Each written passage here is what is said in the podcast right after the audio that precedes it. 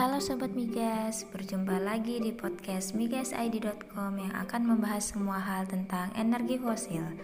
Pada episode kali ini, kita akan membahas tentang perbedaan oil company dan service company.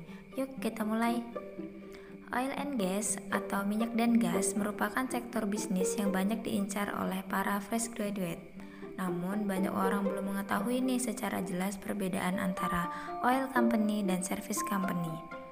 Nah, di sini saya akan menjelaskan perbedaan tersebut. Yang pertama, oil and gas company.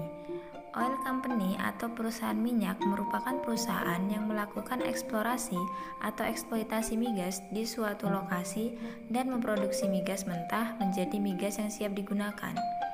Hasil produksi migas tersebut dijual langsung kepada masyarakat, baik secara langsung maupun melalui pemerintah.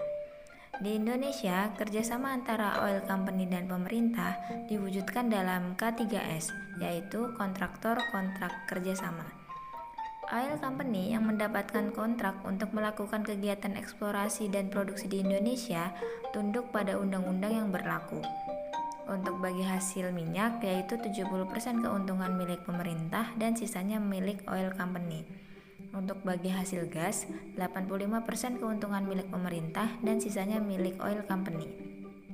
Nah, berikut contoh oil company yang beroperasi di Indonesia, yaitu ada Pertamina, Exxon Mobil, Chevron Pacific Indonesia, Total EP Indonesia, ConocoPhillips, Citic, Vaiko, Medco, Energi Mega Persada, BP Indonesia, Eni, Saudi Aramco, dan masih banyak yang lain.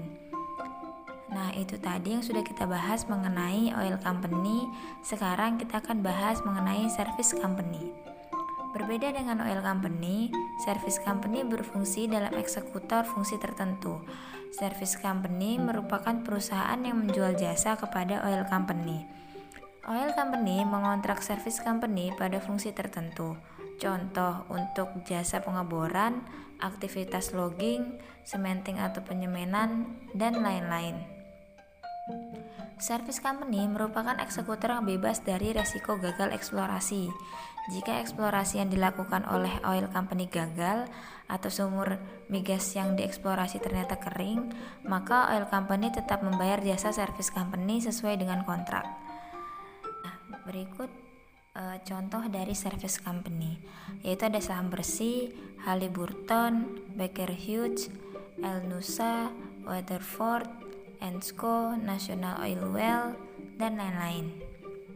Nah, itu tadi adalah singkat tentang perbedaan oil company dan service company.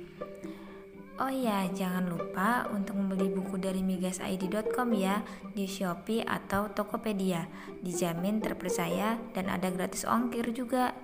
Jangan lupa juga untuk follow Instagram Migas ID karena banyak banget info di sana atau untuk yang galau karena skripsi bisa ke temanskripsi.com.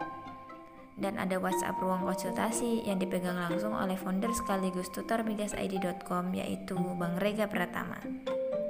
Dan yang mau tahu mengenai migasid.com bisa klik link yang ada di bio Instagram Migas ID ya.